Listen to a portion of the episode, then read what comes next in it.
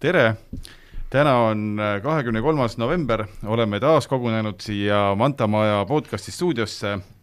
tegema meie viiendat saadet. meil on äh, külas Jaanus Põldmaa ja Hardi Pikmets, tervist! tere! tere! tere, Aigar! tervist! räägi, Aigar, alguses kahe sõnaga võib-olla, mis äh, sinu jahimaailmas viimase äh, nädalaga juhtunud on?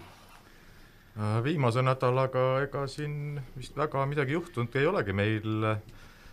ise ma kuskil midagi, mingit looma lasta ei saanud ja, ja aga, aga meil oli veel üks põder oli lasta ja selle me nüüd saime selle nädalavahetusel esimese ajuga kätte ja ja, ja siis proovisime seajahti teha, aga aga sigu me ei saanud et jahis siis nii palju, jah. sigu vist ei olegi nii väga vaja, sest sigadega on pärast nii palju tööd, et, et kui siga on haige, siis tuleb siga vastavalt käidelda, et õige no, see muidugi ei ole. ta ei pea haigegi olema, aga niikuinii on vaja teda õigesti neid asju seal teha ja proovida. Jaanus äh,, räägid äkki paari sõnaga endast? Äh, kas ma räägin sellest, mis mul, kuidas mul nädalavahetus läks ka sellest räägime. see oli põnev, et äh, ma olen äh, kõva koeramees ja, ja, ja see nädalavahetus siis äh, koerad otsustasid mulle kätte maksta sellega, et äh, nad võtsid põdra, äh, karjatasid selle laupäeval, meil on selline hästi suur raba, Nätsi võlla raba, oota, Jaanus, ma segan siia vahele. No,, tutvusta kõigepealt, et kus, kus jahiseltsis oled siis? Mina olen kahes jahiseltsis, ma olen Pärnumaal Aruvälja jahiseltsis ja Saaremaal Leisi jahiseltsis, et olen selline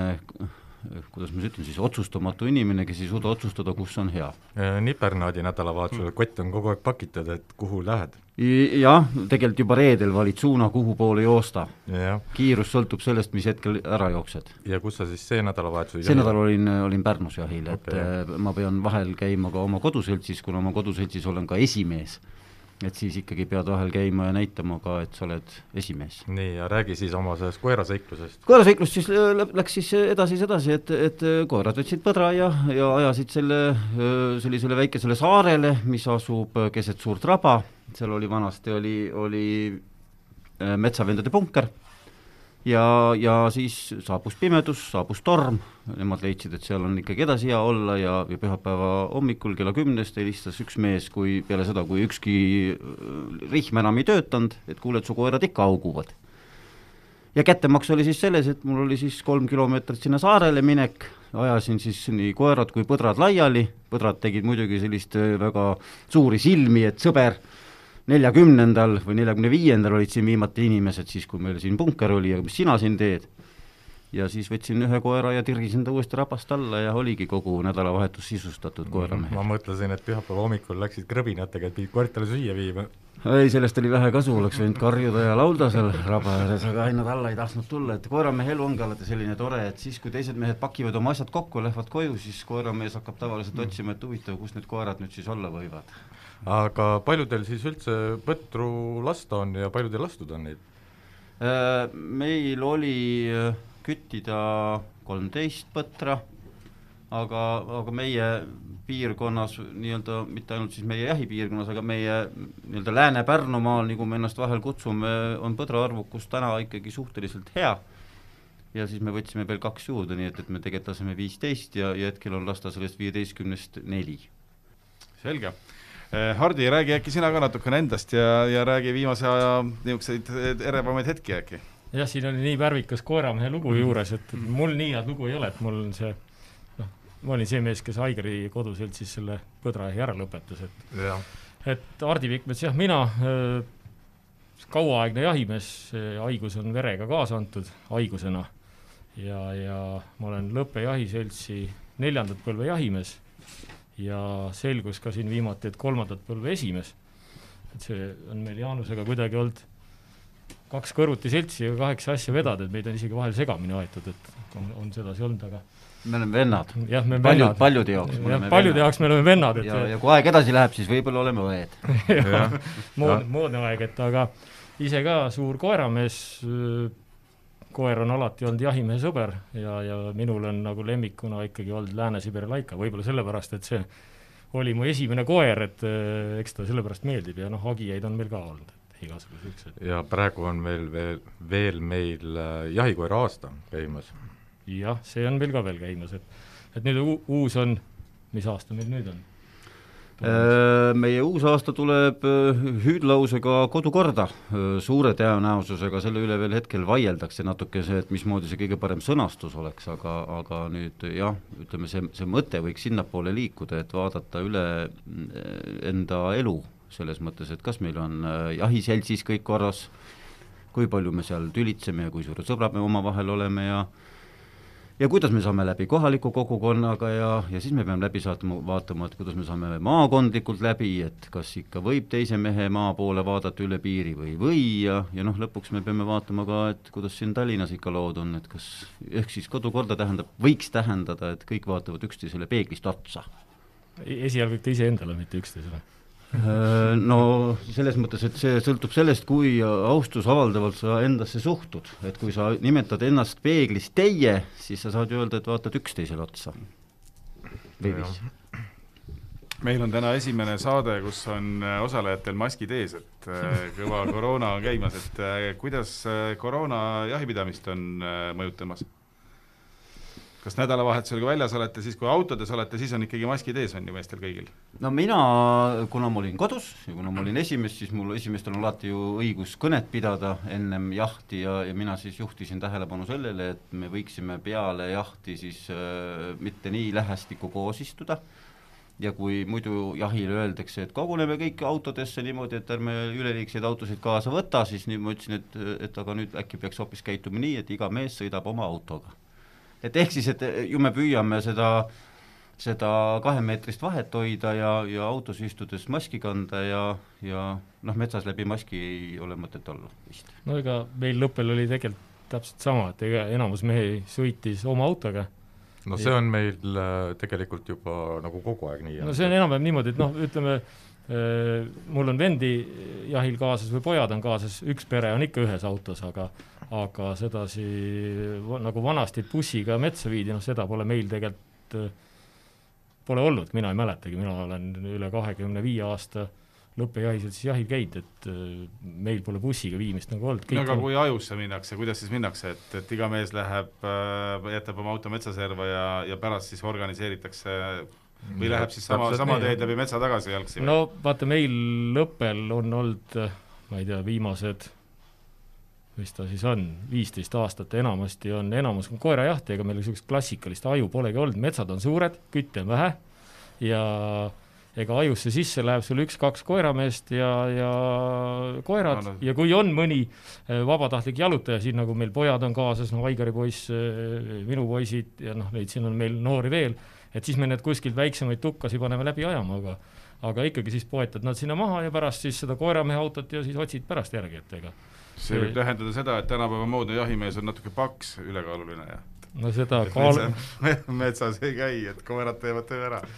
aga koeramees ei saa paksuks jääda, sest ta peab koerale järgi jõudma, mida kiirema koera võtad, seda kiiremini pead järgi jõudma no, see on jälle, see on jälle selles mõttes erinev, et, et meie jälle ikkagi aruväljal, naabrite, paremate naabrite juures, et et meie, meie ikkagi püüame ennast ikkagi mahutada ühtedesse autodesse ja, ja rääkida ajalugu, siis vanasti oli meil, see oli vist UAS oli ta,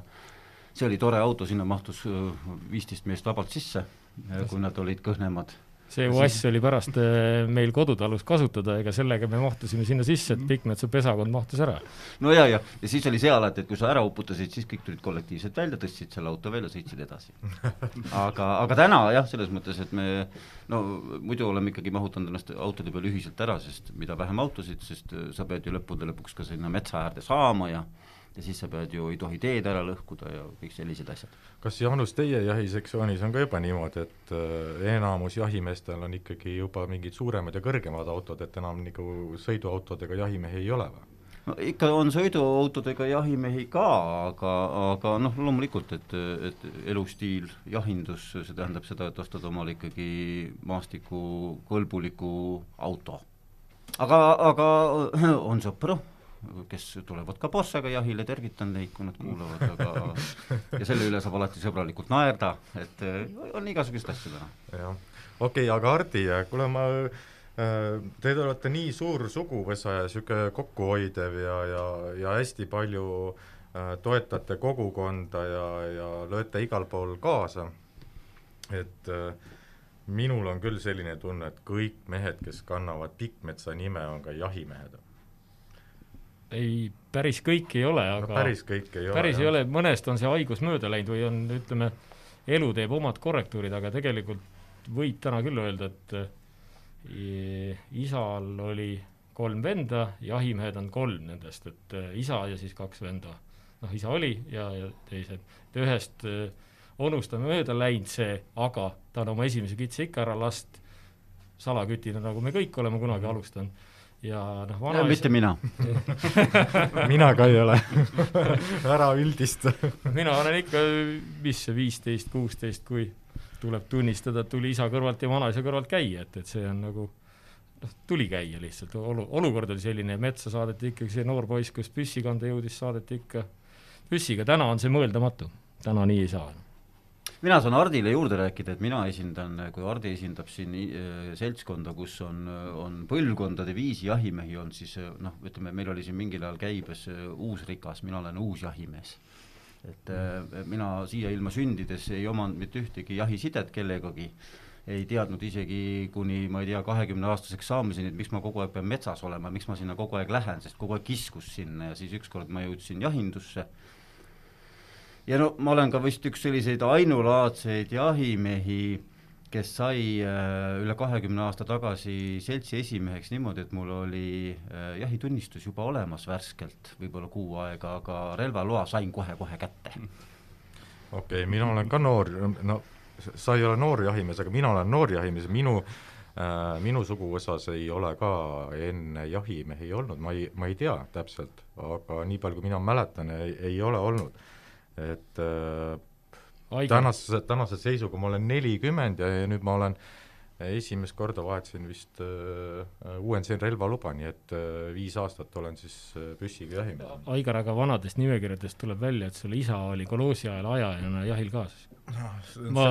leidsin just äh, vana arhiivi kuskilt, õigemini ema sorteeris kodu vanu isa kappe selle Pärnumaa Jahimeeste Liidu aastaraamatu jaoks ja siis leidis sealt äh, hunniku vanu dokumente, mida me ei teadnudki, et alles on.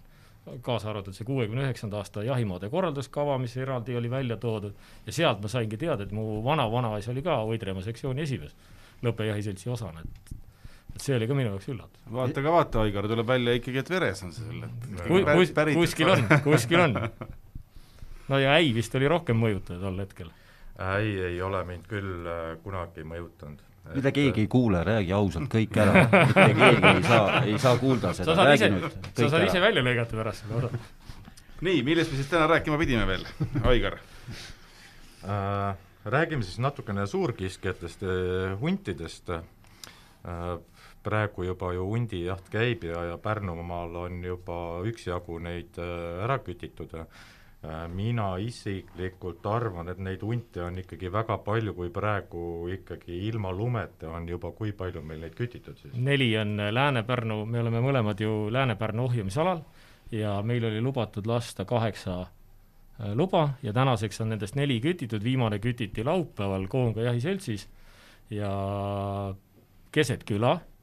jahimaja kõrvalt, noor isa hunt tuli nillima riputatud põtru. et niisugune niisugust lugu nagu noh, muidugi Koonga küla on üks väike rabasaar tegelikult. et noh, kui meie need kandid kõik, et ega hunti on meil palju, raba on suu-, rabad on suured ja, ja ega sellepärast neid eh, jookseb sedasi välja, et meie enda jahtides vist ei ole kummaski tänavu aasta hunte veel välja jooksnud, kuigi kaks tuhat seitseteist ju veebruaris me lasime ju Pärnu linnast siis eh, Musta, Musta Maaga esimese hundi sealt eh, ühisjahist okei okay,, jah, ja ma mäletan, nüüd on ju need ju linnapiirid ju nihutatud ja jah, no see keset, Tõhele, Tõhele küla servas oli Pärnu linnapiir. Mm. -hmm. ja, ja haldusüksus. Jaanus, kuidas siis teil huntidega on, et äh, kas teil on äh, äh, märgata ka, et äh, hundid on seal midagi halba teinud, et käib seal kanu, kanu murdmas või lambaid või? Kanu vist hundid vist väga ei murra, aga lambaid küll. Ja no, koeri meil on, on täpselt niimoodi, et, et äh, näha ei ole, kaamerates mõni käib mm, aeg-ajalt, aga üksik, et äh, noh, seesama kuulus Nätsi võllaraba, et, et ega siis üks põhjuseid, miks ma sinna kolm kilti järgi marssisin, oli ka see, et meil ikkagi on andmed, et seal on kari olemas. Ja teadupoolest, kui ikka ko-, ko koerad nii kaua auguvad põtra, siis lõpuks saab huntidel ka villand, lähevad ka vaatama, et mis te kurat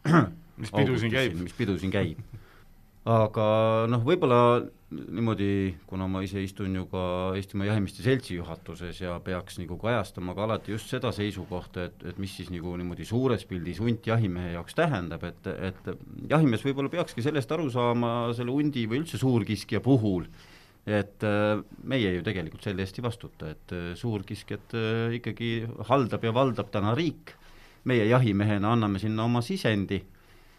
Riik siis otsustab ulukiseiru osakonna näol, kas me tohime ühte uluki, suurkiskjat siis küttida või ei tohi, noh, me ei tohi näiteks ju Ilves siin mitu aastat enam küttida. ja, ja, ja kui ta leiab siis, et, et nüüd on, nüüd on paras aeg, siis ta ütleb ka, mis, mis see aeg on, millal, missuguses aja, ajavahemikus küttida võib, ja annab ette ka siis tingimused, et noh, nagu hundijahil on, et et me kütime siis hunti ohjamisala põhiselt ehk siis, et tegelikult on, on jahimees lihtsalt selle koha pealt tellimuse täitja ja, ja, ja riik on siis tellimuse tellija, et, et võib-olla, võib-olla jahimees alati ei peakski nii väga tõsiselt ja, ja, ja nina verist välja, nagu me ütleme, seda hunti taga ajama, kui teda ikka kätte ei saa, siis järelikult on meile öeldud pisut äh, vale või antud vale lähenemisviis. aga Jaanus, kas, kas ma saan õigesti aru, et need huntid, küttimisnormid, on ju, et tulevad ikkagi läbi jahimeeste, et jahimehed panevad neid kirja, teevad siis statistikat, et annavad neid üles, et kui palju neid nähtakse, jälgi ja nii edasi ja siis selle järgi siis äh, arvutatakse siis, et kui palju neid hunte võiks olla no jahimehed annavad ühe sisendi selle arvukuse määramisel, et ulukiseiru osakonnal on neid sisendeid erinevaid äh, ja, ja noh, seda peab ütlema jahimehe kiituseks, et nende sisendi, sisendite andmine on äh, tunduvalt paremaks läinud viimastel aastatel, kindlasti läbi jahise kui elektroonilise lahenduse, sest sest kui varem jahimees äh, ütles, et meil on hundid, siis pidi seda ulukiseiru osakonna spetsialist lihtsalt uskuma, et täna on ta ikkagi üles pandud, on pildid üles pandud ja, ja, ja noh, ütleme ausalt, et tänu jahimehele me küttisime sel aastal juba karu rohkem. Ja tegelikult suurendati ju ka huntide küttimislimiiti, vaata et kaks korda, et noh, mille üle siin vaieldi, oli, et kui lund ei tule et kuidas selle nii suure limiidi kütitud saab, oli siin ettepanekuid, et küttima peaks äkki maakonnapõhiselt üldse, aga noh, hetkel leidis ulukiseiru osakond, et ei, kütime mm, ohjamisala põhiselt. no nüüd on näha siis, et kas me saame kätte või ei saa. no tundub, et me ikkagi saame kätte, sest praegu on veel varajane aeg ja ja, ja kui neid hunte on nii palju, et siin isegi ilma lumeta neid kätte saadakse, et siis ju siin ikka tuleb mingi aeg lund ka ja, ja, ja siis saab seda hundijahti veel teha. no üks teema, üks teema on seesama, vaata teadlaste pool, nad annavad mingid numbrid, asjad, aga aga jahimehed vanasti, no enne seda jahist, ega me ei teadnud ise ka täpselt, mis seal metsas on.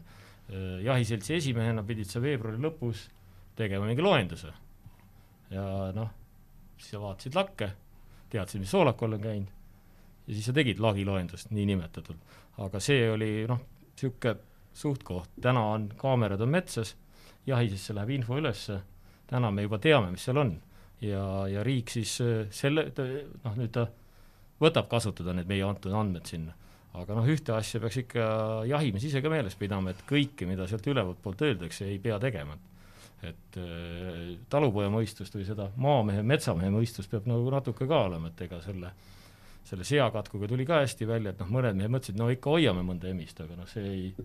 mis sa tast hoiad, kui katk ta ära võtab, siis siis ei ole seal hoida midagi, et kahjuks on riigipoolne soovitus hetkel katkuga nagu õige. nojah, ütleme niimoodi, et see, see töö jahimehe poolt, see hi-, see hinnangu andmine arvutu-, arvukusele peabki minema tunduvalt paremaks, sest ütleme ausalt, et ka täna see ülejäänud avalikkus on hakanud järjest rohkem jahimehe poole vaatama. et, et mida see jahimees teeb, kuidas ta teeb kas ta teab, mis ta teeb, kui palju on metsas looma, et kõik ootavad tegelikult, et vanasti oli niimoodi, et äh, vähemalt mina mäletan, et ega seal linnainimene sellest jahimehest midagi ei teadnud ega arvanud, et mingi imelik seltskond käib seal midagi tegemas, metsas ajavad loomi taga. või siis olid noh, need teaduslikud artiklid punamütsikesest ja kitsakestest ja nii edasi, kust äh, jahimees tuli appi, aga, aga, aga noh, täna on olukord absoluutselt muutunud ja no me täna ju nimetamegi ennast ju äh, lausa siis inimesteks, kes, kes, kes nagu hoiavad keskkonda selle näol, et jälgivad loomade tervist, loomade arvukust. jah, ega jahimees ei ole tõesti pelgalt kütt, vaid ikkagi on looduse jälgija ja hoidja samamoodi Jaanus Hardi, te olete mõlemad äh, oma jahiseltside esimehed, et, äh, et teie jahimaad ilmselt piirnevad ka teiste jahimaadega, et ei ole vist mereäärsed äh, äh, jahipiirkonnad kumbki. Kuidas teil läbisaamine on äh, kõrvaljahimaade jahimeestega? no meil on ta iseenesest äh, väga hea, et, et me suhtleme väga palju üksteisega, räägime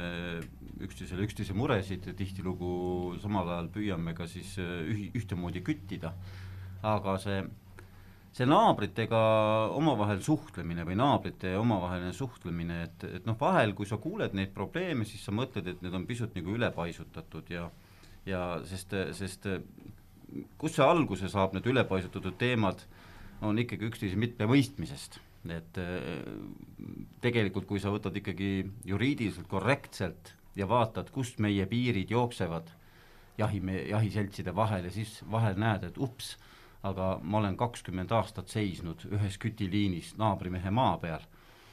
Et ja, ja siis vaatad, et ups, aga naabrimees seisab ju minu maa peal, sest noh, piltlikult öeldes, et kuskilt on tõmmatud piir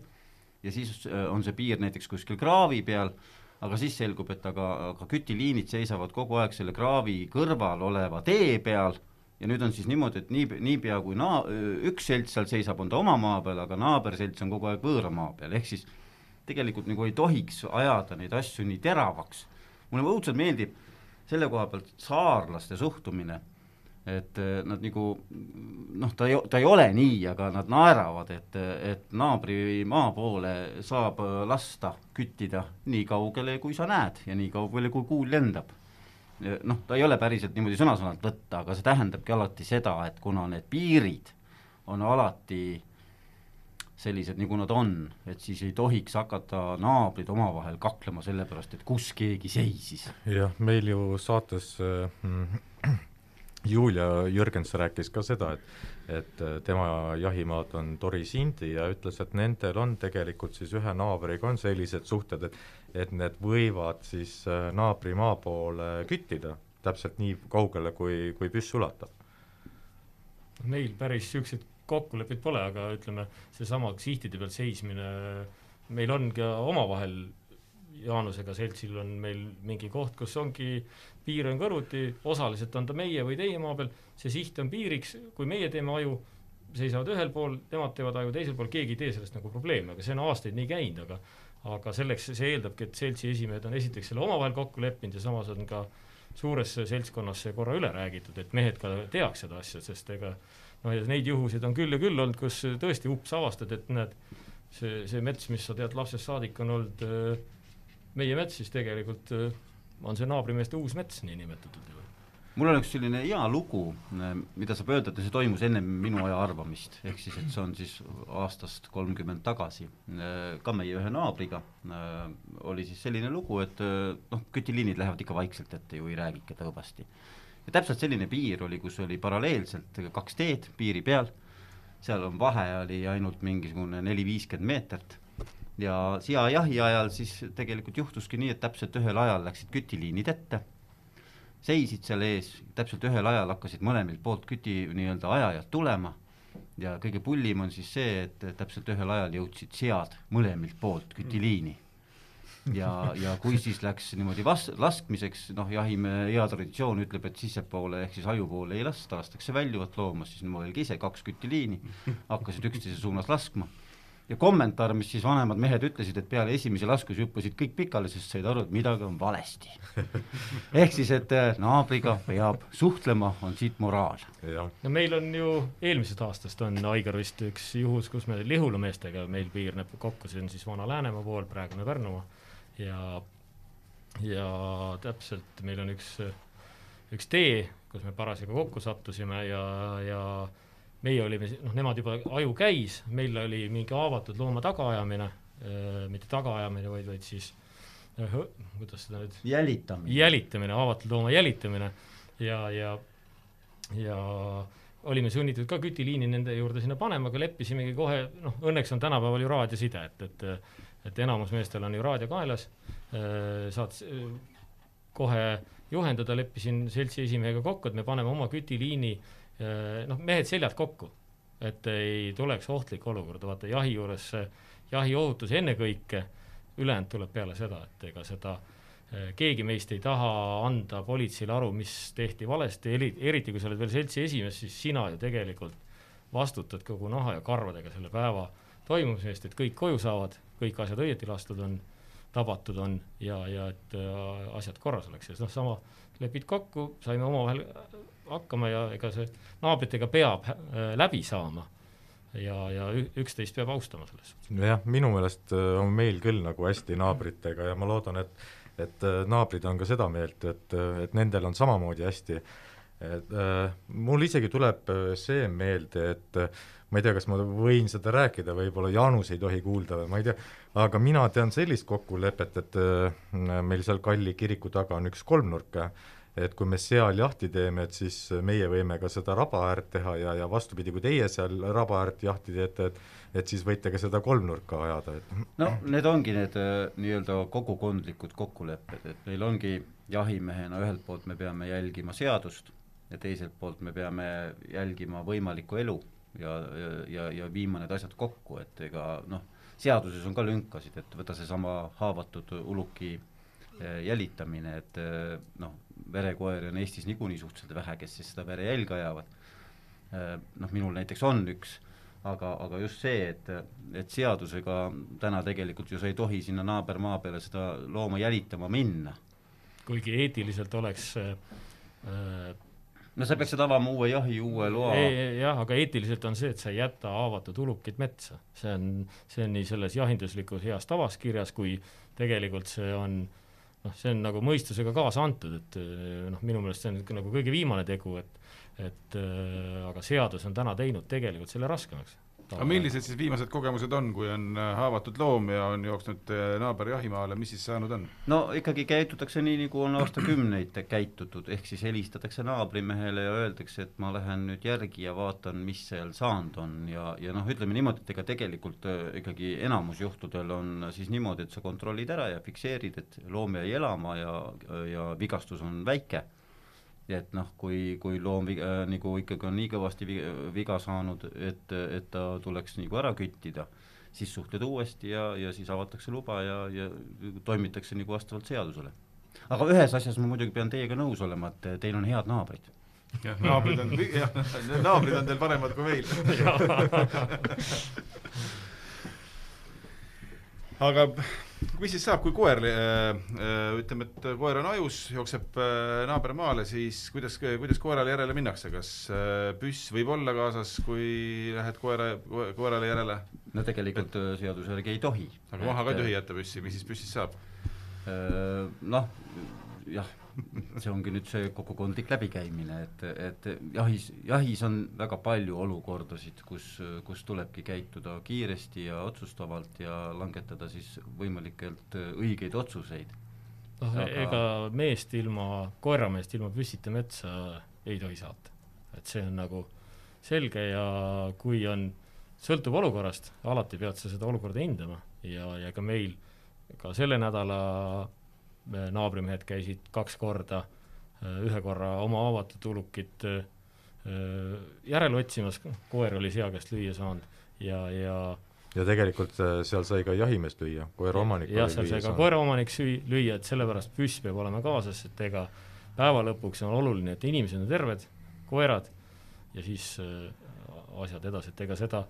tuleb äh, jälgida, seda sisetunnet ja neid mitmekümneaastaseid kokkuleppeid no jahiseadus ju lubab ka, et äh, koeramehel võib olla püss kaasas, kui ajumehel ei tohi seda olla, siis koeramehel võib olla ja tihtilugu see siis äh, kaitseb ka või päästab vahel mehe elu, vahel tihedamini sellesama koeramehe elu, jah. Aga need äh, suhted, miks need suhted halvad on, et kas need on mingid vanad aja, vanadest aegadest mingid ütlemised või mingid tegemised või kuidas need, kuidas need suhted ikkagi halvaks läinud on? No inimeste vahel ikka vahel on suhted halvad ja tihti, enamus juhtudel ikkagi saab asi alguse sellest, et inimesed ei räägi omavahel. Ja, ja noh, loomulikult äh, vahel saab pidurduseks see, kui on kohu-, kohutavalt suured ja mõjuvõimsad suguvõsad, et noh, kuningadki kisklesid omavahel, on ju, lihtsalt põhimõtete pärast. me katsume oma seltsi sees ära kakelda et siis tegelikult võiks loo moraal olla natuke selles, et, et äh, jahi, naabri jahialade seltsid võiksid rohkem omavahel läbi käia, et võiks olla mingid ühisüritused võib-olla, kus kus mehed oleksidki omavahel tuttavad, võib-olla võtaksid aasta, aastas korra teeksid võib-olla isegi peo ja võtaksid võib-olla koos viina. no Saaks... peo, peod on teinekord ohtlikud, et ega pidude pärast on äh, riidu mindudki, et ega ütleme, vähim, mis on, vähemalt seltsi esimehed võiks äh, korra aastaski kuskil maha istuda, tunnike kaks arutada, teha võib-olla üks saunaõhtu, et äh, saaks need probleemid korra läbi käidud ja, ja noh, muidugi parem on, kui räägivad mitu seltsi räägivad omavahel suurte seltskondadega läbi, aga aga noh, sealt võib tulla vanu hõõrumisi välja, et ega see selles kinni on, et lihtsalt ei suhelda omavahel. Kindlasti ühisjahid on selline ja, asi, mis nagu lähendab ja me peame jahimehena ju ikkagi meeles pidama üht, et jahindus on meie hobi, meie kirg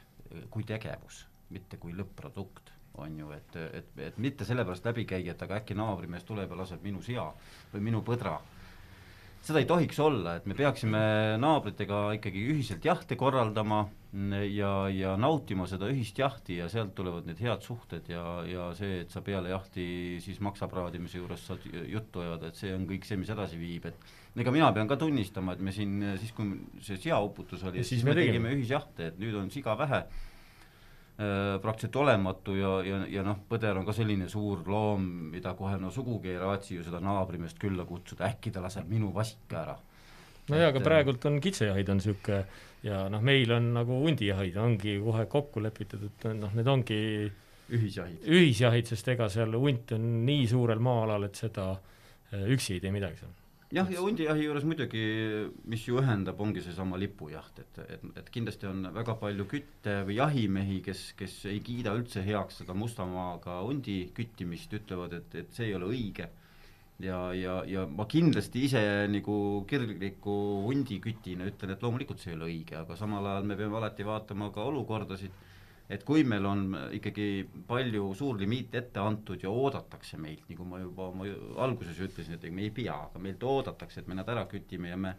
ise soovime siis riigile olla hea partner ja ära soovime küttida neid, et siis me ikkagi peaksime ka neid siis nii-öelda nendest põdraajudest väljudes või, või muul moel küttima, aga kõige ilusam jaht on ikkagi lumega lipu, lipujaht, kus sa oled kolm-neli tundi ära tassinud, siis külmetad kolm-neli tundi ja ja siis, kui sa õhtu sauna sooja saad, vot see on see kõige parem. ja mis kõige pullim, siis kui saavad lipud ette, siis keegi avastab, et ups, siit on ikkagi välja läinud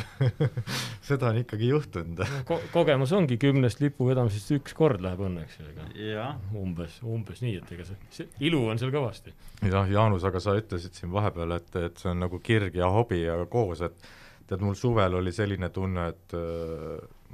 natukene ma kartsin enda pärast, et see on nagu haigus, et äh, et peaks perearsti käest mingit rohtu küsima.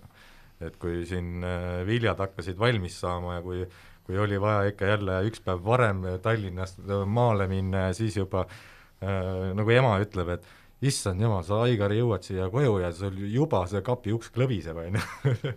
et, et vahest oli ka niimoodi, et enne kui koju jõuad äh, et juba käid kuskil, vaatad mingid põllud üle ja, ja, ja see suvel sinna läks ikka tohutu aeglane, päeval käid, vaatad põldusid, vaatad oma soolakud üle, käid kuskil mingid söödakohad, jalutad seal metsas, on ju, ja siis kui, kui vaatad need, kui palju sa oled siis selle peale nagu seda aega kulutanud, on ju, ma ei ütle, et äh, ma ei saa öelda, et see on nagu kulutamine või nagu halvas mõttes, et et see mulle väga meeldib, aga, aga see on lihtsalt tohutu aeg sellepärast, äh, sellepärast üks õige jahimees, kui ta tutvub äh, daamiga, kellest ta arvab, et võib-olla tuleb kunagi mingit asja, siis esimene küsimus on, kuidas te suhtute jahisse mm? -hmm. ehk siis tegelikult on, tegelikult on ju nii, et, et äh, kirglik jahimees on õnnelik siis, kui pere tast aru saab, sest seal ei olegi midagi salata, see jahindus võtabki sinu vabast ajast väga suure osa mm. -hmm. mu ja... sõbra sõbra naine ütles, vabandust, segasin vahele, aga sõbra naine ütles selle peale, et tead, et äh,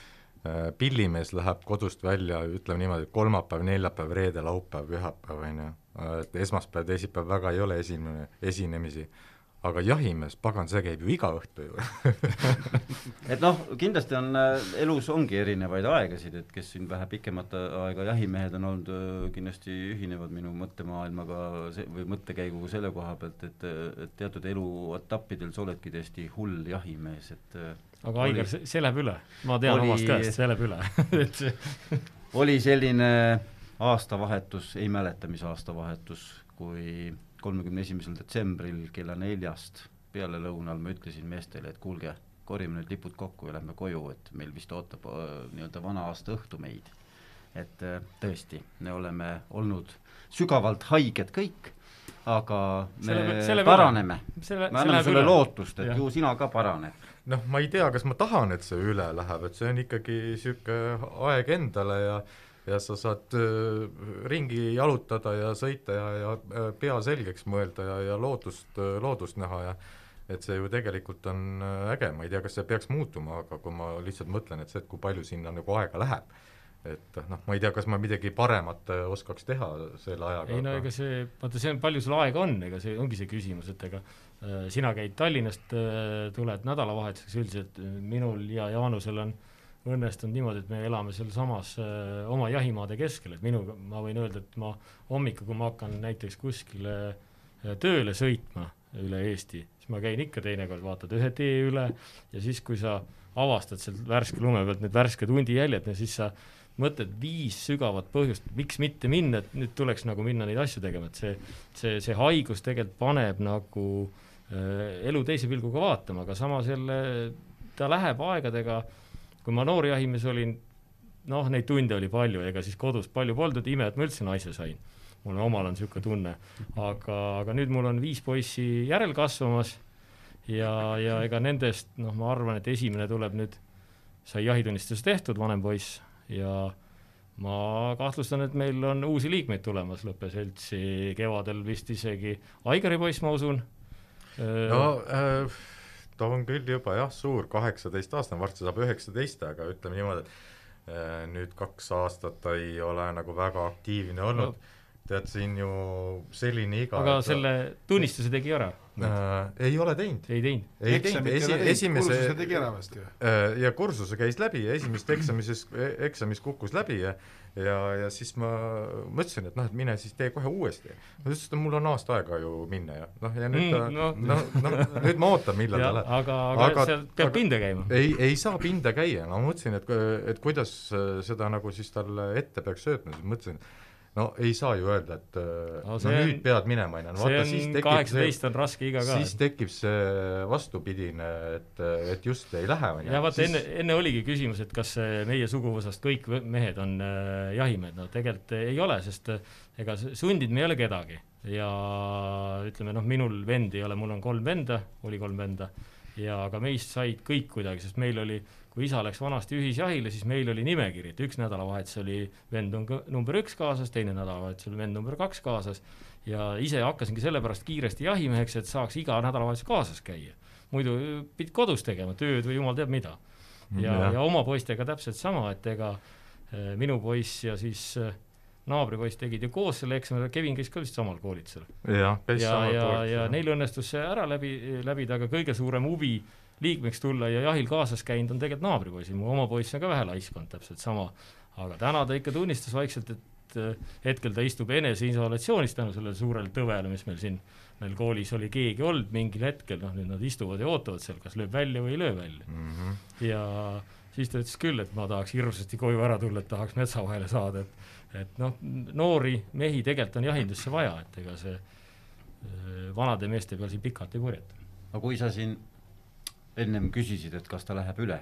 et noh, omavahel öeldes, omavahel öeldes, et lahuta ennast sellega, et ei lähe. aga vana, vanema jahimehena võin ennast juba lugeda vanemaks jahimeheks, soovituse öeldes, et usu mind, peale suuremaid skandaale kodus õpid sa, õpid sa ennast õieti väljendama. kuhu sa lähed, kuidas sa lähed ja oskama võimalikult umbmäärast aega öelda, millal sa tagasi jõuad mm. -hmm. aga need tulevad aastatega. Need tulevad aastatega, selle, selle kohta on mul üks, üks vana lugu, et mingi circa viisteist aastat tagasi me tulime mingist mingist sarnasest äh, enne jõule või enne aastavahetust, äkki see seesama hundi teema seal, äh, kuskilt eh, metsast välja, õhtune aeg juba, kõigil noored naised helistavad, mul, mul vennal, onupojal, ja meie ees kõnnib üks meie pikaaegne jahimees Rei Arvi, küsi, küsime tema käest, et kuidas sul, sa oled üle neljakümne aasta jahimees olnud, et kuidas sul naisega lood on? ütleb nelikümmend aastat täpselt sama jutt, aga ma olen harjunud seda kuulama. Jah, äh, kas äh, räägime nüüd jahipidamise, jahipidamisviisidest, et äh, Hardi, mis jahipidamisviis sulle kõige rohkem meeldib? täna hetkel meeldib põdra ühisjaht. et, et see on nagu niisugune ühisena kuidagi jäänud, kui ma alustasin, siis mulle meeldis koeraga seajaht ja agijaga siis rebane jänes. aga täna on see ühise, ühiselt on ikka lõbusam ja niisugune vaata, kui sa üksi koeraga selle looma sealt kuskilt välja ajad, ega sest pole ju kasu, seal ei seisa sul keegi ees. Et äh, passimisjahid mul ei ole äh,, ma olen oma selle jahimehe aja jooksul vist kaks siga pukast passida saanud, ma pigem hiilin talle põllus ligi, aga mulle see istumine, mul midagi muud targemat ka teha, kui seal lihtsalt istuda, aga see pidi vanusega, vanemad mehed ütlevad, vanusega tuleb see, äh, tuleb see aeg istuda, et siis ei ole sul kodus midagi teha. Jaanus, mis, mis jahti sina eelistad pidada? No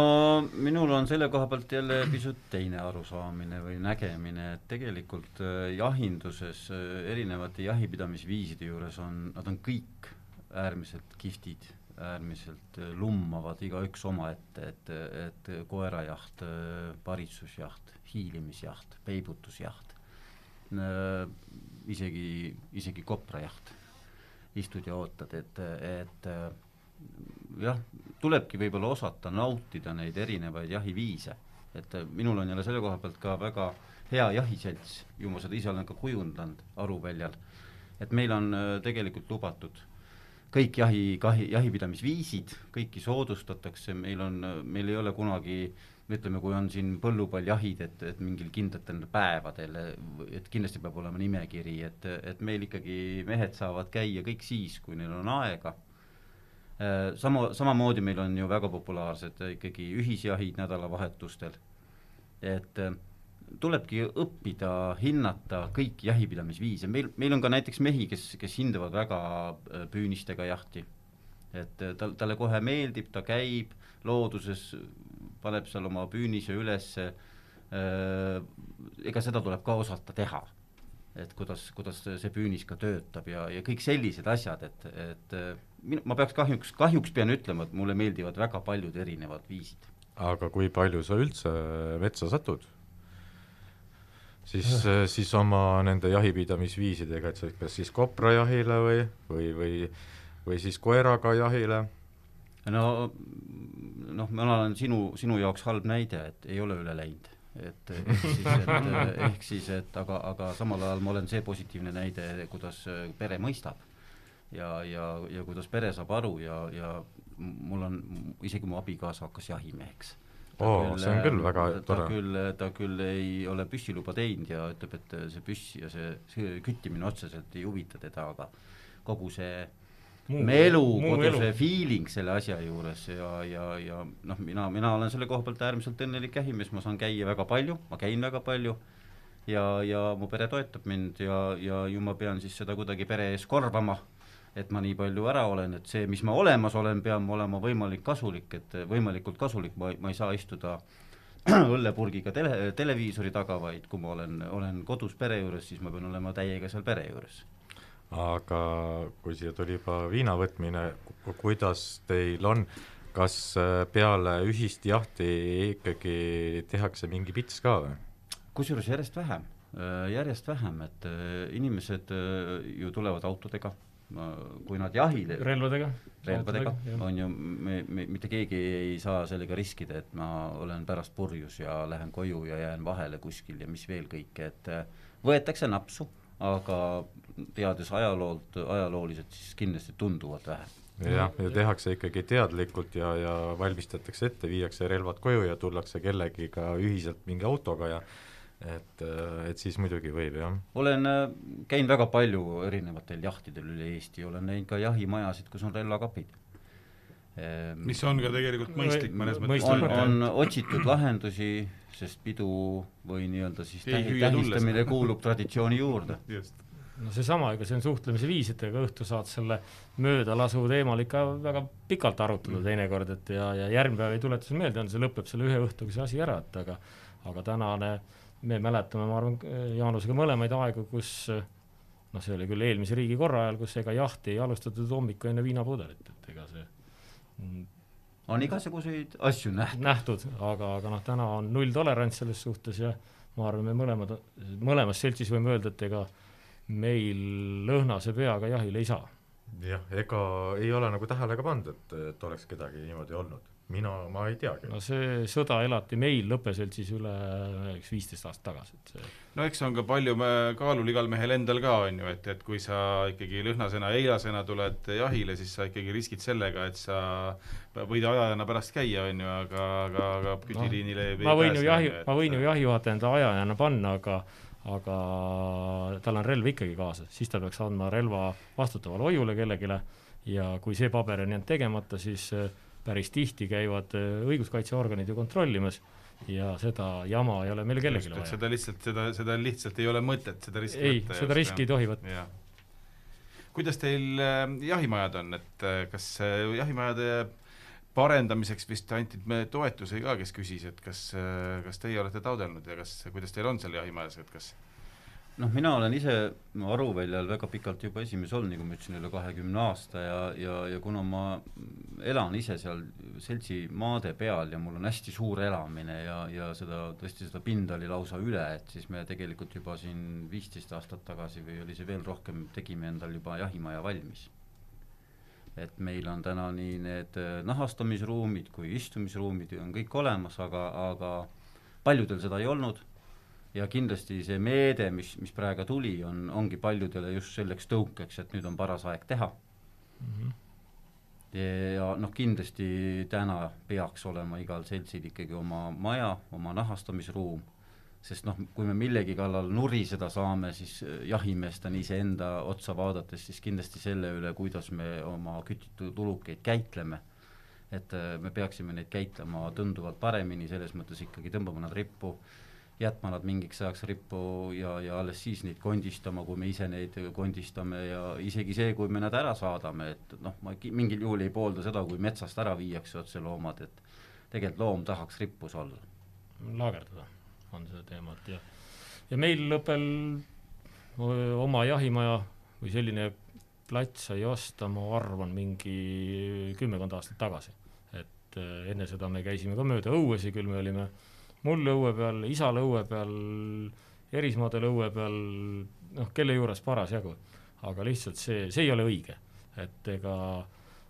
peab olema mingi oma koht, kus on oma nurk, ise vastutate, ise teeme ja, ja kõik see asi. Ja meil sellest viimasest toetust me küll ei küsinud äh, raha selle jaoks, et meil ei tulnud sealt nagu neid punkte nii hästi kokku aga me oleme enne saanud liidrist toetust, jahimaja me mingi renoveerimise tegime ära, nüüd me oleme oma jõuga teinud, noh külmkamber on olemas, vesi, sooja veel ei ole, aga noh, see on niisugune tegemise küsimus, et ega kui maja sai nagu valmis või seda sai kasutama hakata, siis ta jäi mingiks ajaks seisma, et entusiasm kadus meestel ära. Ja nüüd on jälle noori mehi, kes viitsivad hetkel tegeleda selle asjaga, et ega siis tehakse jälle edasi. seda eks see tõstab vist ka kvaliteeti, et kui on hea jahimaja, kus on head võimalused käitlemiseks, aga samas ka istumiseks pärast, maksapraadimiseks, toidu valmistamiseks, nagu no, jutuajamiseks, on ju, et, et see tegelikult on, on ainult, ainult positiivne. selle jutuajamise kohaga või niisuguse istumise kohaga on pärast jälle omad mured, et siis ei saa õhtuselt koju, et see oht tekib ka, et kui see, see iga õhtu, laupäeva õhtu sauna tegema, siis peab naisega jälle pikemalt rääkima, et, et kodus jälle rohkem midagi tegema. aga selle uluki käitlemise koha pealt on üks asi, mis mis nagu ongi seesama põder, vaata hästi suur uluk ja meil mõlemas jahimaades on hästi palju neid äh, raba ja pehmeid alasid. ja selle põdra kättesaamiseks sealt äh, metsast, kui ta on ära kütitud, on üks hästi tänuväärne asi, on põdrakelk, mille me võtsime vist kasutusele üle kümne aasta tagasi ja, ja selle äh, see tõstis oluliselt liha ja naha kvaliteeti tegelikult, noh lisaks sellele, et sa lõhud vähem keskkonda tegelikult on see lahendus olemas, see kelk maksab ainult pea kolmsada eurot. aga üks ATV rihm, millega seda välja müüa, maksab sada euro. et kolme põdraga, noh, sa juba selle rihmaraha tood tagasi, pluss see, et sul ei jää jälgi maha, sa tuled rahulikult, sa ei lõhu, kõik niisugused asjad, loom on tervem, ise kõik, kõik see teema. vähem rassimist. et äh, tänase tehnika juures tuleks rohkem, jahimees peaks vaatama just selle poole peale, et kuidas sa vähem lõhud ja me ei tohi ära unustada, et jahimees on täna rentnik võõral maal. Et äh, meil peab olema täna kirjalikud lepingud, äh, et me viibime seal maal aga jahimaja juurde kindlasti veel peaks ikkagi ära märkima seda, et, et jahimaja peaks juba olema igas jahiseltsis, sellepärast et, et on, see on jahiseltsi hing. ja, ja jahindus ju ennekõike puudub, puudutab kokku ka igasuguste erinevate traditsioonidega, et, et küll me vaatame välismaa traditsioone, aga samas tekivad meil oma traditsioonid ja, ja, ja kui sul jahimaja ei ole siis, siis puudub see hing, et noh, jahimaja on just see koht, kus kogunetakse, on ju, kus hakatakse jahiga peale, kuidas sa sellega hakkad, noh, on igal, igas seltsis oma otsustada, on ju, kus lõpetatakse jaht, on ju, et noh, tegelikult olekski ju väga viisakas, et äh, jahi lõpus mitte kõik ei sõida oma koju, vaid äh, tulevad jahimaja juurde kokku, aitavad siis need loomad rippu tõmmata, kes võib-olla isegi austab neid loomi, austatakse kütte et, et noh, mina ütleksin, et jahimaja on jahipidamise juures, sellise kogukondliku jahipidamise juures selline A ja O, et kindlasti ta peaks igas jahiseltsis olema. nojah, see on ikkagi väike visiitkaart, et ju ikka käivad ju külalised ja ja ega see ikkagi midagi näitab ja ise ju tahad ka, et sul oleks kõik korras ja puhas ja, ja, ja, ja samamoodi, et soe, et sa ei pea kuskil puu all neid asju tegema. No ega meil lõppes üldse see näitas hästi ära, et kui su-, suvine kitsejaht on individuaalne jaht ja, ja kui mehed muidu riputasid ikka kodu juures ja koorisid seal, siis need viimased aastad on läinud nii, et, et see tegevus tehakse kõik jahimajas, ta pannakse laagerdama külmkambrisse suvel palava ajaga, noh teine asi on seesama, et sul on kiire kogu aeg, ikka mingi kellaaeg pressib peale, aga külmkamber annab sulle selle võimaluse, et sul on aega nagu planeerida, ma laagerdan ta ära, teen nädala pärast, kahe-kolme päeva pärast, nii kuidas sul paras on, et ega see maja on selle juures äärmiselt oluline. tead, aga me peaks uue teema võtma, meil siin ikkagi mõned küsimused veel oleks ja ma vaatan kella, et,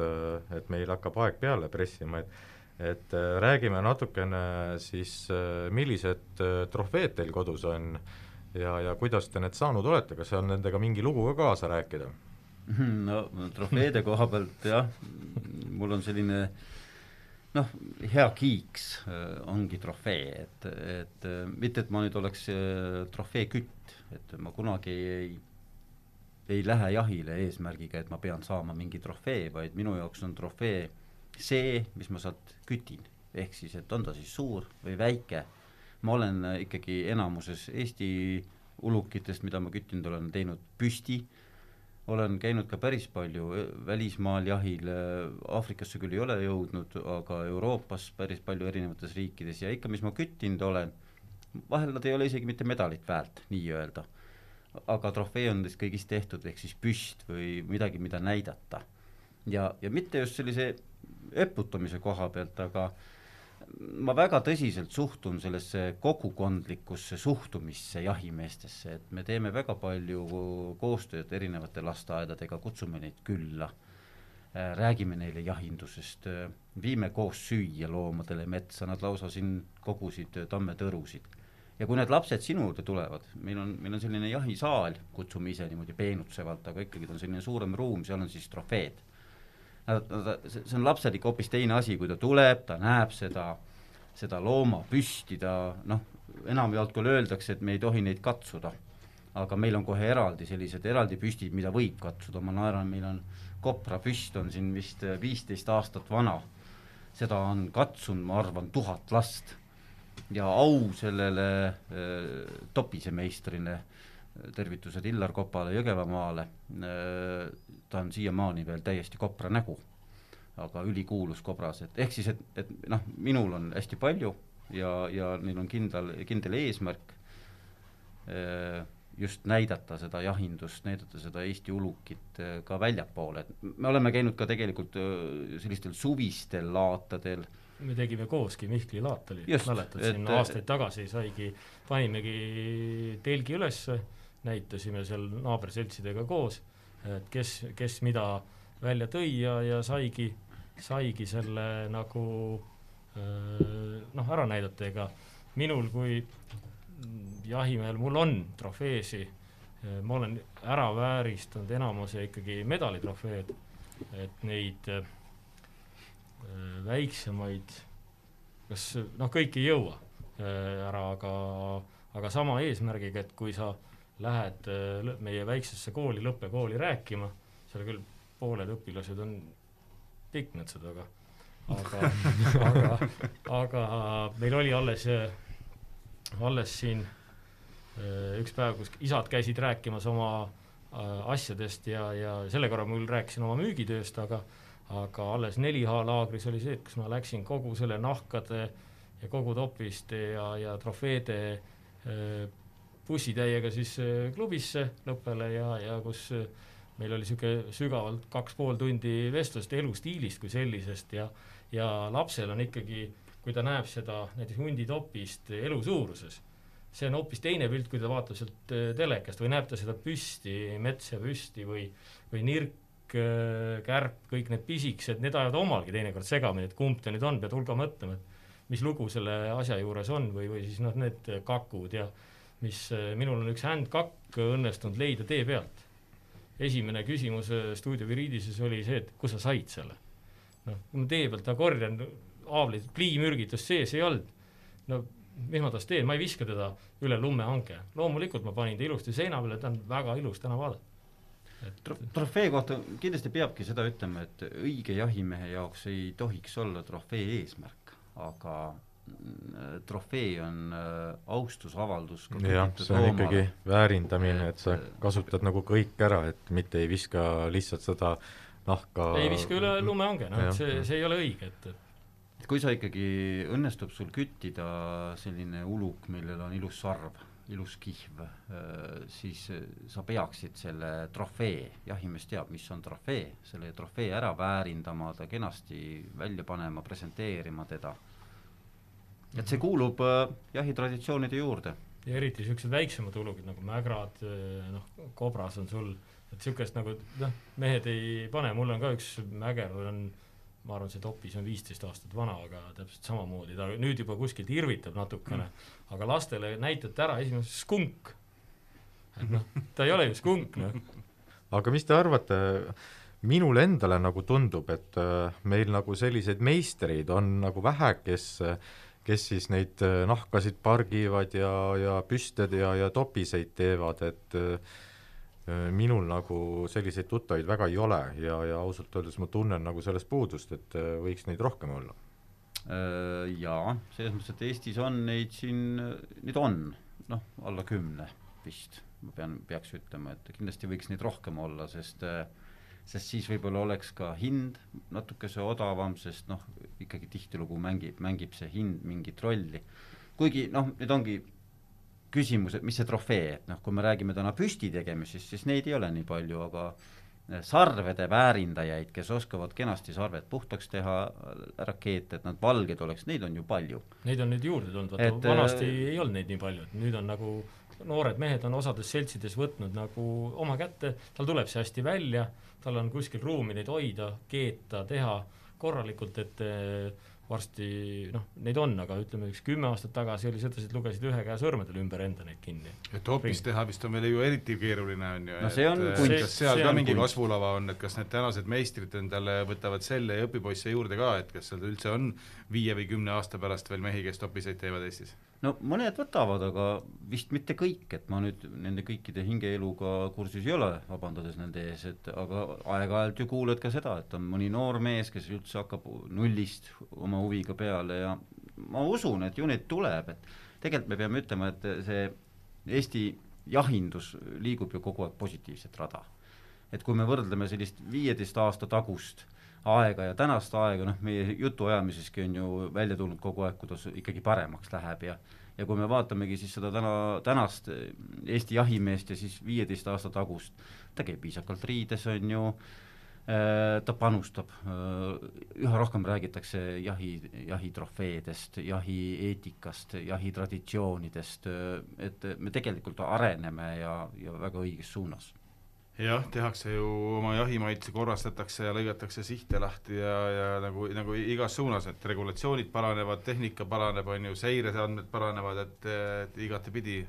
igatepidi läheb asi paremuse suunas, et salaküttimist ei ole, viisteist aastat tagasi vist oli salakütte ka, oli nagu reguleerimata see ala mõnevõrra, on ju, et noh, ju on olnud erinevad ajad. kas teie olete näinud üldse ja mõnda, noh, olete sattunud kuidagi kellegi peale, kes oleks näinud või, või kokku puutunud salakütiga viimasel ajal? isegi püütud isegi püütud, viimasel ajal isegi, jah? ei, mitte nii viimasel, me viimasel arvan, ajal ei ole. ma arvan, et see jääb ikka niisugune kümme-viisteist aastat tänapäeval on ikkagi sidevahendid on head ja kui keegi kuskil midagi kahtlast märkab, siis teatatakse, minnakse kontrollima ja et on niisugune no võib-olla ka öö, seda salakütti ei ole ka sellepärast, et, et see, need erinevate jahiviiside viljelemine on läinud jah, järjest rohkem moodi et kui, kui vanasti oligi võib-olla, et paljudes jahiseltskondades olidki ainult nädalavahetusel ajujahid, et siis oli ju nädala sees salakütil väga hea tegutseda no. Siis, aga kuna siis... täna viljeletakse ka nii-öelda viilimis- ja varitsusjahti ja, ja, ja ka ju seesama loomade jälgimine ja, ja, ja ka siis Kaamer, kaamerad, metsad ja kõik niisugused asjad, et need, need annavad sulle mingi pildi, sest vanasti noh, ütleme, kuidas kontrollida, et su mehed nagu salakütti ei teinud, siis ega noh, minu jaoks see summutajate tulek relvadele on no on probleem, minu, mulle ei meeldi see, sellepärast et äh, ma olen õpetatud nagu niimoodi, et kui sa maal elad, ma teen õhtul õues tööd või, või päevasel ajal ja sa kuuled, mingi pauk käib, täna, siis sa üldiselt tead, kes seda laseb. aga kui see, seda, sa ei tea, et see ei olnud see naabrimees või see naabrimees või kolmas, kes võib veel täna väljas olla siis see pauk ei ole, aga täna summutite olemasolu, need paugud on hästi vaiksed, enam sa ei kuule, aga see summutaja on tegelikult õigustatud noh, täna nendes probleemsetes kohtades linna äärtes. linnaservades. linnaservades, et ja ega ka meil seal kaugel väravõrgus on täna inimesi, kes ütleb, et ära tee laupäeval mu maja juures jahti, sest eh, ma tahan rahus magada. jah, lapsed kardavad, koerad lähevad ärevaks, on ju. et, et noh, see, ta tuleb nagu noh linnaelu jahist... tuleb selle koha pealt, tuleb maale peale natukene. no tahad ka rahu ja vaikust saada, ega meil on üks suur lasketiir seal, eh, hea tuulega on päris kaugele kosta ja palju on küsitud, et kas teie tulistate, et mis te seal nüüd tulistate. sa tahaks, et see hea ka, on ju, et saad alati öelda, et ei, ei see on seal tiirus. et eh, eks, eks ta eks ta on, et aga, aga selle jahikorralduse poole pealt jah, see re-, relvade pool on nagu äärmiselt tähtis. tulles tagasi selle teema juurde, mis puudutab neid jahipiirkondi ja, ja naabritega suhtlemist, et et kas me võiksime selle saate lõpetuseks äkki järgmisse aastasse soovida midagi, et, et või mis võiks olla või seaks mingi eesmärgi natukene või kutsuks, kutsuks äh, jahimehi või, või jahiseltside esimehi üles näiteks sellele, et, et katsuks kokku leppida naabritega natuke rohkem, sest et mina äh, noh, mul on väga põgus kogemus jahinduses, aga, aga ma ei ole eriti kuulnud selliseid noh, positiivseid häid jutte äh, nagu naaberjahiseltsidest, et millegipärast kipuvad need olema ikka kuidagi nagu negatiivsed, nagu kas ma ei tea, kas vanast mingist pikemast ajast või igal juhul need, need ei ole need nagu positiivsed, et, et kuidas võiks me saada muuta seda, kuidas me saaksime üles kutsuda neid, neid jahiseltside esimehi te,, teie kahekesi olete siin mõlemad jahiseltside esimehed, et mida te teeksite või kuidas see, kuidas, kuidas, millest see võiks alguse saada, see, see hea, niisugused paremad heanaaberlikud suhted? see, meil on head naaberlikud suhted, oleme tund aega siin kõrvuti ära istunud, me pole veel riidu läinud. et äh, minu poolt on ikka see, et suhelge üksteisega. et äh, sa pead teadma, kes on su naaber ja, ja rääkida tuleb omavahel. ja kui, kui on eriarvamused, siis tuleb need äh, läbi rääkida, ega seal äh, kõigil ei ole sama arvamust nagu meil või mis sa, Jaanus, arvad? ma arvan, võib-olla isegi tänases kontekstis see küsimuse püstitus on isegi võib-olla võiks seda nagu edasi viia, et üks, üks asi on naabrid ja jahimeeste omavaheline läbikäimine, aga eh, teades, et täna on, on päevakorrale kerkinud nende jahipiirkondade kasutusõiguse lubade pikendamine, siis tegelikult tunduvalt rohkem kui naabrid peaksime hakkama me täna läbi käima oma kogukonnaga. see tähendab mida, see tähendab seda, et äh, me peaksime hakkama äh, viisakalt ja sõbralikult suhtuma nendesse inimestesse, kelle kõrval me jahil käime. Äh, tegelikult isegi veel rohkem, et ma olen ikka siin vedanud paralleele Saksamaa priide pritsumeestega, kes kõikidel külapidudel käivad väljas, näitavad oma autot, mis iganes nad kõike ära ei tee, et tegelikult Eesti ühiskonnas siin maal, Eesti kogukonnas peaks jahimees hakkama seda rolli ära võtma või üle võtma või endale võtma, et kõik külapeod, mis on, jahimehed võiks olla esindatud, kui on jaanituli, jahimees peaks minema pakkuma seal šašlõkki, käima lasteaias, nagu me rääkisime, kõik piirkonnad peaks seda tegema, sest kui sul on kohaliku kogukonnaga väga hea läbisaamine, siis ei ole ka probleemi lepingute saamisega, siis ei ole probleemi sellega, et keegi on kuri äh, ja jagab seda kurjust laiali, et, et kui sul on head suhted kogukonnaga, siis isegi kui keegi on kuri, siis ikka naaber lahu-, ütleb, no kuule, need ju täitsa õiged mehed, näe, siin šašlõkki said. šašlõkki ka ja just, kaob ära nagu see vastuseis, on ju. et, et, et see üleskutse järgmiseks aastaks mina, minu poolt oleks küll kindlasti see, et vaatame enda ümber, saame sõpradeks nende inimestega, kes on meie ümber, kaasa arvatud siis nii-öelda ka oma naabrid, aga just ennekõike see kohalik kogukond, et meil on tihtilugu on palju jahimehi, kes käivad linnast jahil nad ei tea kohalikust kogukonnast mitte midagi, et, et see ongi viimane aeg. hakake tegema, hakake mõtlema, kuidas ma saaks olla kogukonna sõber. ja nii ongi. kui sa oled kogu, kogukonna sõber, siis, siis, siis ei ole sul kogukonnaga mingeid probleeme, ei ole vaja rääkida, et ma ei saa lepingut või ei ole vaja rääkida, et metsamehed on kurjad või põllumehed on kurjad, sest kogukond ongi seesama metsamees on kogukond, seesama põllumees on kogukond, sest noh, enamjaolt on nad ju kõik siit kohalikud inimesed muidu on võõras mees linnast püssiga meie metsas, on ju, ja, ja arusaadavalt suhtutakse, on ju, reservatsiooniga ja, ja distantseerub nagu kaks, kaks osapoolt, on ju. no just, öeldaksegi, et tule nüüd siis äh, istuta uus puu ja istu, maksa mu vili välja ja, ja tee tee korda, mis sa ära lõhkusid ja kõik sellised asjad, mis ikka üles tulevad probleemid. ega mäletatakse ju halbu asju, et aga parem just. oleks, kui neid halbu asju ei oleks, aga see on väga hea väljakutse minu meelest, et, et see võib-olla ongi see, millega tänane saade äh, ära lõpetada, et äh, ma ei tea, Allar, kas meil on veel aega või? tund kümme või no,? Äh, ma ei tea, me tavaliselt oleme palunud rääkida mingi ka mingi lõbusa loo. jah, jah, on teil äh, siia lõppu rääkida mingi lõbus lugu või? Kellegi kulul naljad on alati kõige paremad naljad naabrile naermine on kõige, kõige parem, kõige parem äh, nali. Jaanus, äkki sul on üks äh, hea anekdoot saate lõpuks? mul jah, siin kuulsin alles hiljaaegu sellist ühte, ühte lugu, kus ma tõesti südamest naersin, et äh, lugu on siis selline, kuidas äh, metsas, suure tõenäosusega džunglis,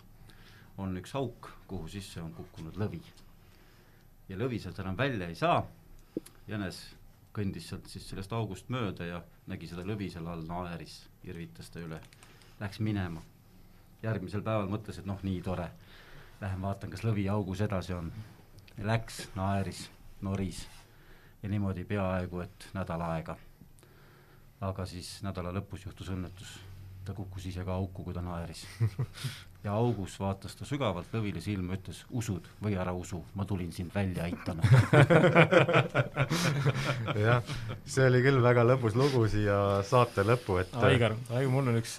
tuli meelde üks lugu Lõppelt. see oli aastaid tagasi, kui ei olnud jahimeestel kasutuses ei raadioid ega GPS-i, mitte midagi. ja kuidas jahti korraldati, lasta oli viimane põder,